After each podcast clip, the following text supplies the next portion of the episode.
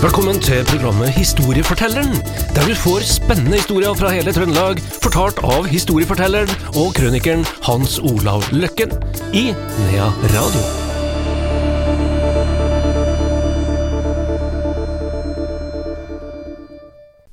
Historiefortelleren her i Nea Radio er tilbake igjen. Nå blir det luftfart igjen, Hans Olav Løkken. Velkommen hit. Jo takk, og tro det eller ei, men det er luftfart, ja. Ja, Det har vært en stund siden nå, da. men, ja det er det. Men det her er faktisk en dramatisk historie. Ja, det er dramatisk, og den er sann. Og den er eh, en ren tilfeldighet som eh, kunne gått helt motsatt vei.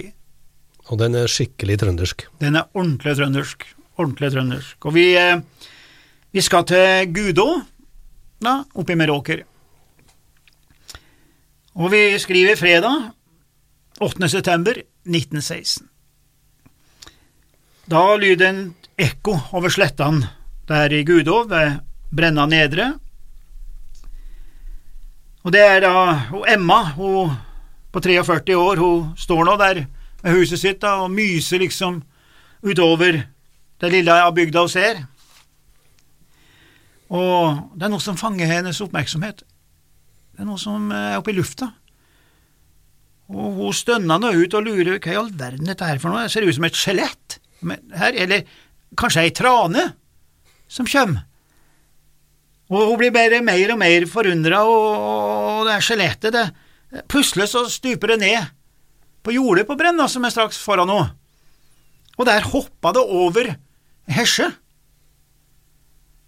og forsvinner i grøfta ved riksveien, det som i dag er E14. Og det kommer jo selvfølgelig et utbrudd, da, etterfulgt av en eh, et, et, et, et sukk fra, fra naboen òg. Hun hører at ei kjerring som sier Å, her er Gud og Fader. Det var et vitne til som så det her.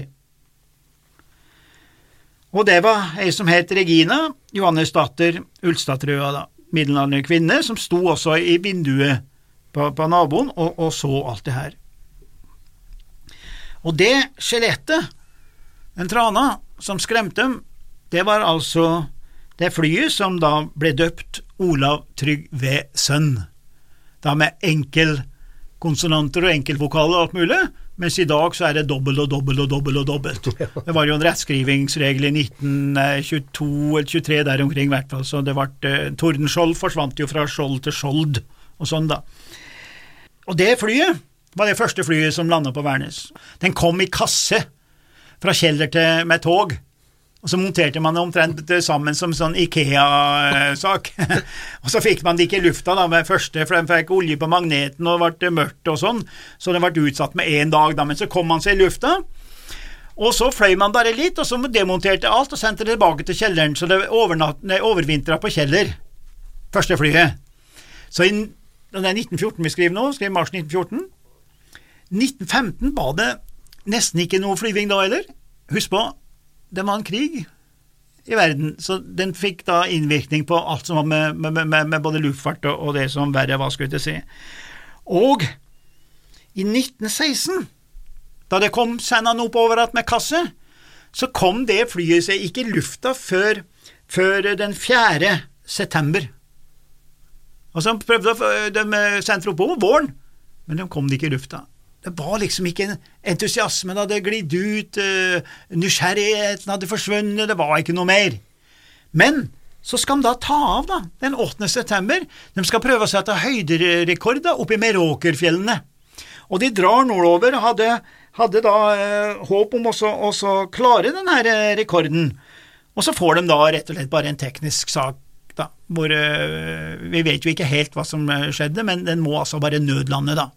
Det er eh, to stykker der om bord i denne eh, elendige flymaskinen, og de hadde vel håp om å fly 6000 fot, da. Det er 2000 meter, det er ganske høyt det da, til å være sånn eh, småfly. Og det lander jo da der, og så sklir det på en måte forbi våningshuset, og så er det i grøft.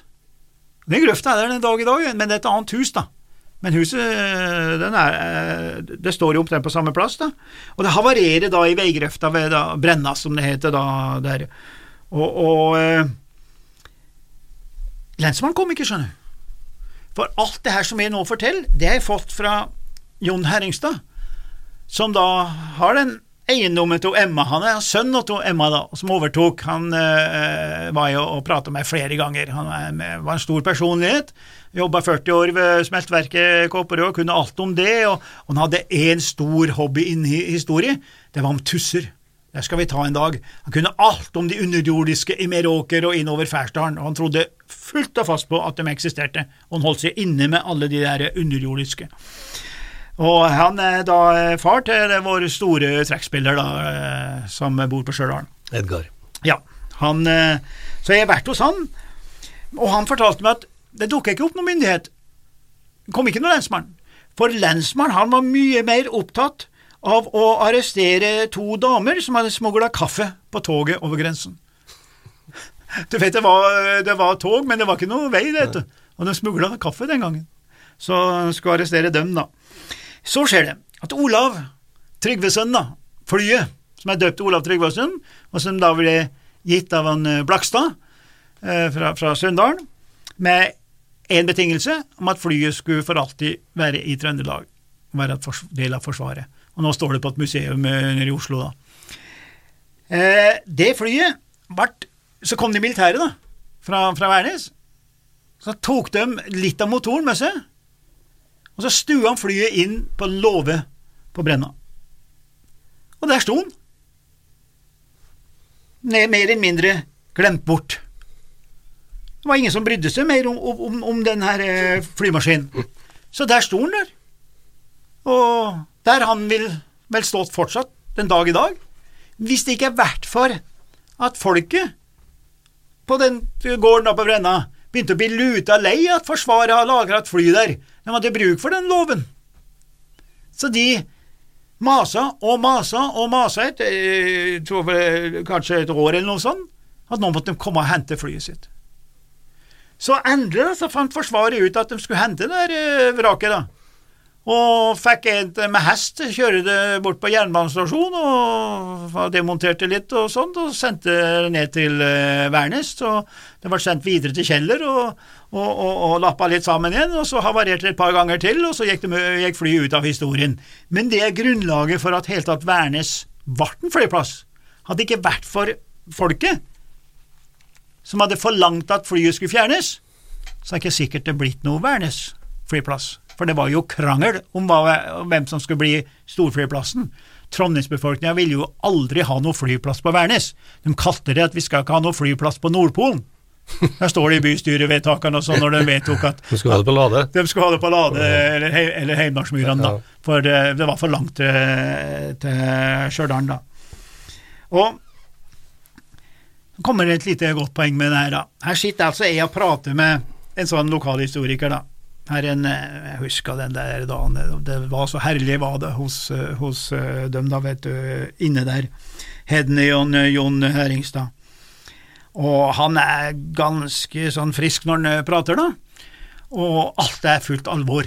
Det fins ikke tendenser til noe som ikke er sant, altså. Så uh, han drev jo og prata der da om uh, at, uh, at han husker at det her er veldig godt. Da, å, det har vært gått igjen, og i alle, alle selskaper så ble det prata om det flyet som landa og, det, og, og han huska veldig godt den der da, datoen, og så sier han ja, men eh, Jon, eh, du var jo ikke født da, sier jeg. nei, du, ja, du, du, du ble født to måneder etterpå, du, sier jeg. Mm. Her. Ja, men jeg, jeg, jeg, hørte det, jeg lå i magen, og jeg hørte at, at Emma ropte da, sin i fullt alvor. Det var ikke tanke på at den gjorde mine som at det her skulle være noe annet, og jeg lot den leve med det. Man må ikke skuffe den, vet du. Det er litt viktig at den får gå ut av livet med en god mine. Og det var en utrolig samtale vi hadde her. Det, det, det, det her er samtalene som gir det så veldig mye som menneske. Og du treffer en person som er så alvorlig, og som forteller det på en sånn måte at han må jo tro på det sjøl, på mange måter. Så da forlater jeg. Hedna hun går ut i sin vakre hage, og jeg forlater uh, et trivelig par, jeg. i ei eh, trivelig grend, i ei trivelig bygd, som berga Værnes sin fremtid. Det var historien vår i dag. Nederlandinga med Olav Trygvesønn. Og Så får vi se om vi tar tussehistoriene hans eh, Herringstad etter hvert Ja. fra inn i Fersdalen. Takk skal du ha, Hans Olav Løkken.